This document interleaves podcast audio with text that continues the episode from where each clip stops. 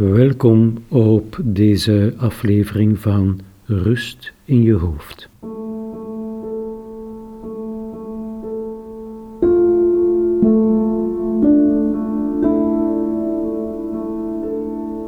Ik zou je willen uitnodigen om dat arme hoofd even tot rust te laten komen door de knop om te draaien en op te gaan in de beleving, in de flow-ervaring waardoor denk- en piekerprocessen naar de achtergrond verschuiven en het hoofd tot rust kan komen.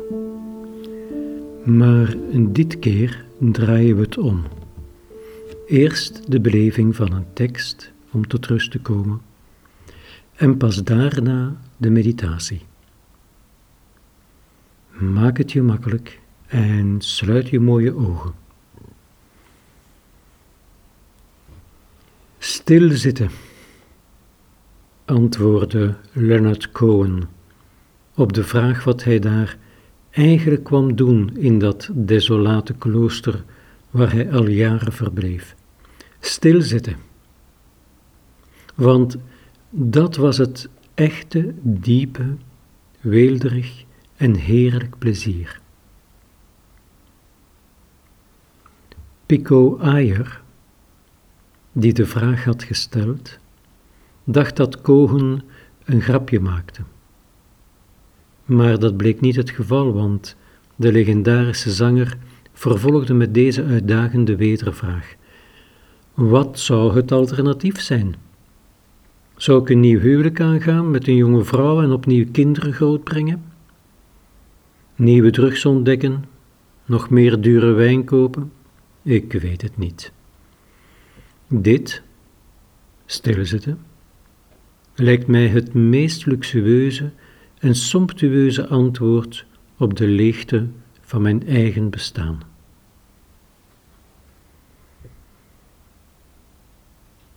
Het gesprek greep plaats in een afgelegen boeddhistisch klooster in de Californische heuvels. Ooit zag ik een documentaire erover, waarin je kennis maakte met een heel andere Leonard Cohen, dan de stijlvolle Bart met zijn bedwelmende stem. Ik zag een stille, nederige man in een monnikspij, die aandachtig kleine klusjes deed, zoals de afwas, die mediteerde en zijn oude leraar liefdevol verzorgde. Dat we ons in dit afgelegen oord van stilte bevonden, verzekerde hij Pico Ayer, had niets te maken met vroomheid of zuiverheid. Het was gewoon de meest praktische manier die hij had ontdekt om de verwarring en angst achter zich te laten die hem lange tijd hadden vergezeld. Stilzitten en zwijgen in gezelschap van zijn oude Japanse vriend, terwijl hij van een courvoisier nipte en tot diep in de nacht naar de krekels luisterde. Dat had hem het dichtst in de buurt gebracht van blijvend geluk, het soort geluk dat niet verandert, zelfs als het leven je met een van zijn terugkerende uitdagingen en verstoringen confronteert.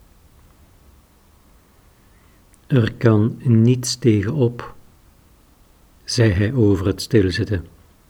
Nergens heen gaan was het grote avontuur dat je elke andere plek deed begrijpen. Stilzitten was voor Leonard Cohen de beste manier om te reizen in het land van nu. Wat hij deed was tegelijk heel eenvoudig en ontzettend moeilijk. Straks moet je het zelf ook eens proberen, beste luisteraar. Ervaring blijft immers de beste leerschool. Het zal wel even wennen worden. Omdat we het zo gewoon zijn van voortdurend prikkels te krijgen, informatie op te slaan en die onophoudelijk te verwerken. Een mens is constant bezet terrein, een wandelende stortplaats voor een continue informatievloed. Hoe lang is het geleden, luisteraar, dat je voor het laatst op een schermpje hebt gekeken? Of misschien heb je tijdens de lunch een rapport of de krant doorgenomen. Of stond in de auto de radio of in de living de tv aan. We lijken wel lopende sponsen die een constante stroom informatieprikkels aan het opzuigen en het verwerken zijn. Het is nog niet zo lang geleden dat informatievergaren een echte luxe was. Ik herinner me hoe ik als jonge man wekelijks uren in de bib doorbracht en thuis met mijn neus in een twaalfdelige encyclopedie zat en later cafés opzocht waar je gratis kranten kon inkijken. En hoe ik vele jaren later, toen internet voor het eerst zijn hemelse poorten opende, uren kon verdwalen in de informatieschatkamers van Alibaba. Dat was pas luxe. Pico Ayer merkt op dat nu, zo'n twintig jaar later, het tegendeel luxe wordt. De zoektocht naar informatie is een zoektocht geworden naar de plekken waar we bevrijd zijn van informatie. Luisteraar, zijn jouw zeilen reeds gekeerd in de richting van de terra incognita van innerlijke rust? Waar je niet alleen maar gedragen wordt door stilte, maar je ook de mogelijkheid gegund wordt voor ontlediging en vervolgens op een groeibed van herwonnen vruchtbaarheid de ontvankelijkheid bloeit voor nieuwe, diepere ervaringen. Braak liggen. Dat lijkt me daartoe een vruchtbare manier. Even een anekdote. Gedurende meer dan twintig jaar gaf ik een zomercursus op een klooster in de Provence. Rond het midden van de week stelde ik de deelnemers een opdracht voor, om toe te laten even al de opgedane inzichten, impressies, ervaringen te laten doorcijpelen. Het was me immers opgevallen dat cursisten heel de tijd ontvankelijk bleven voor prikkels. En de opdracht was heel eenvoudig. Ik vroeg de cursisten om één uur lang in de schaduw onder een boom te gaan zitten en niets te doen. En als het even kon, zelfs zo weinig mogelijk te denken. Er gewoon maar te zijn en tot rust te komen. Voor velen werd het de meest onrustige ervaring van de hele cursusweek. Enkelen hielden het niet langer dan een kwartier vol, gewoon als ze waren aan afleiding, dynamiek, snelheid, uitdenken, actief handelen. Twee decennia later lees ik bij Ton Lemaire hoe dit kwam. Ik citeer uit zijn boek Vervelde en het boek Stilte. Veel mensen schrikken ervoor terug om met de leegte te worden geconfronteerd. De leegte buiten hen, maar vooral de potentiële leegte in henzelf. Deze leegte is tegelijk ook stilte. En beide bevatten een risico, kunnen een beproeving betekenen voor het bewustzijn dat gewend is aan geluiden, aan de bezigheden, aan afleiding, aan daden en beweging. Ledigheid en braak liggen kunnen ons de afgrond in onszelf openbaren, kunnen ons in aanraking brengen met angst, onzekerheid, wanhoop. We stellen ons bloot aan de kans overvallen te worden door verveling, mistroostigheid of melancholie.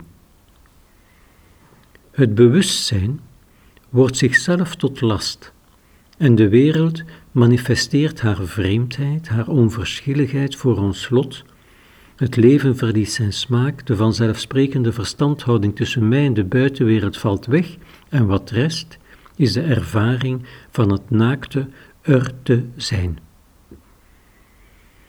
De verleiding is dan groot om afleiding te zoeken, om iets te gaan doen, en daartoe biedt onze omgeving alle gelegenheid, want de moderne maatschappij met haar hyperactivisme, haar vertier en haar verstrooiing, haar voortdurende stroom van geluiden en gepraat, haar fixatie op beweging en snelheid, lijkt wel gedreven door een panische angst om leegte, om stilte, om traagheid te ervaren en vooral niet de mogelijke afgrond in ons en om ons onder ogen te durven zien. Niets is inderdaad zozeer vreemd aan de geest van onze tijd als ledigheid, gelatenheid en de kunst van het brakelige, als het willens en wetens afzien van activiteit, productiviteit en snelheid. Maar wat is dat dan precies volgens Ton Lemaire, dat braakliggen? Hij zegt, braakliggen bestaat uit een eigenaardig mengsel van passiviteit en activiteit. Een gerichtheid op de buitenwereld die tegelijk ongericht, doelloos en gelaten is. Het is gekenmerkt door openheid, beschikbaarheid, alertheid en aandacht die ervan afziet de dingen te willen beheersen en te veranderen. Het is een actief-passieve houding die zich concentreert op de leegte en zich ontledigt en juist daardoor kan openstaan voor de volheid van het moment, van het hier en nu.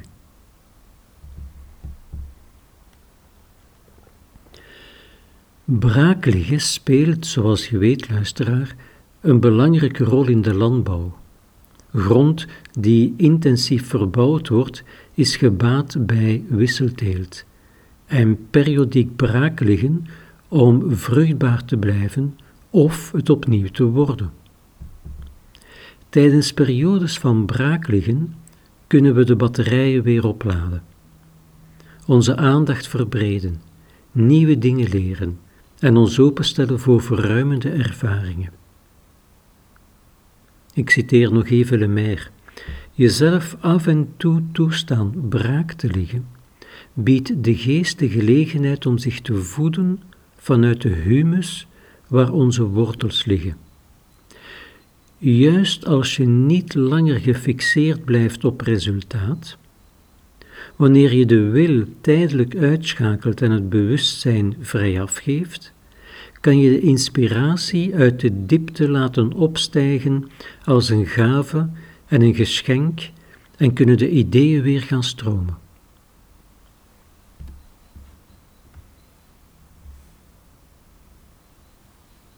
Zullen we het even proberen?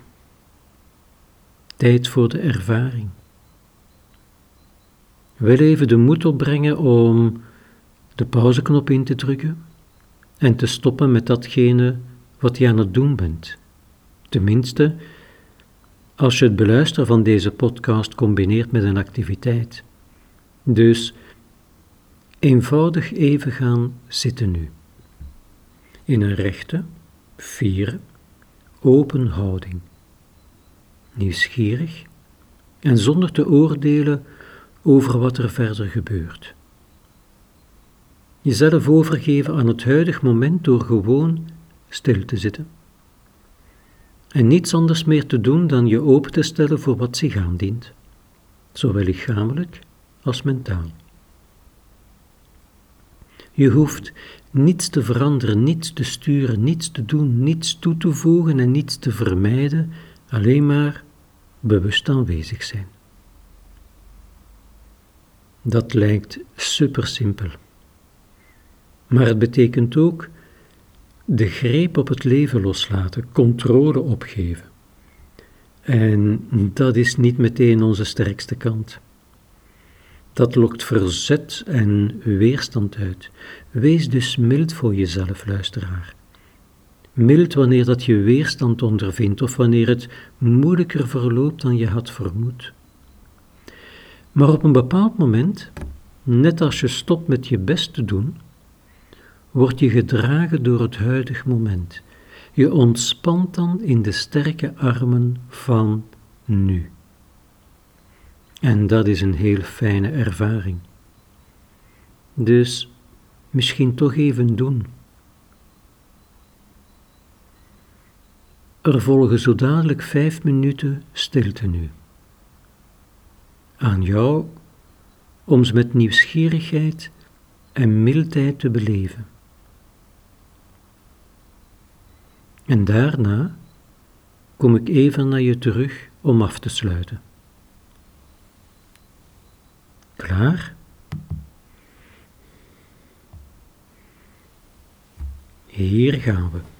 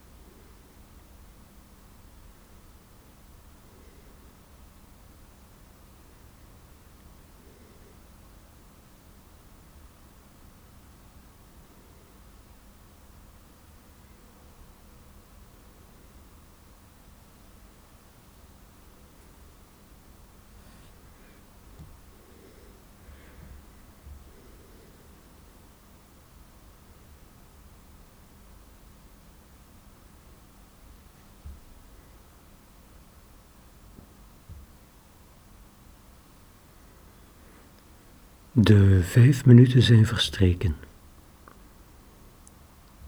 Je kan, als je dat wil, afronden nu zoals jij dat wenst. Bijvoorbeeld door je met je nog gesloten ogen te focussen op de raakvlakken van je lichaam, met de ondergrond waarop dat je zit of ligt.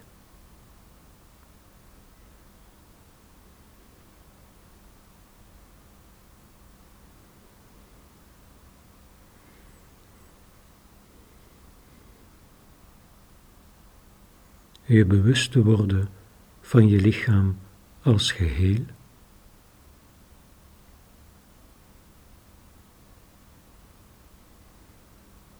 Je mooie ogen weer te openen en wat te rekken, strekken of bewegen.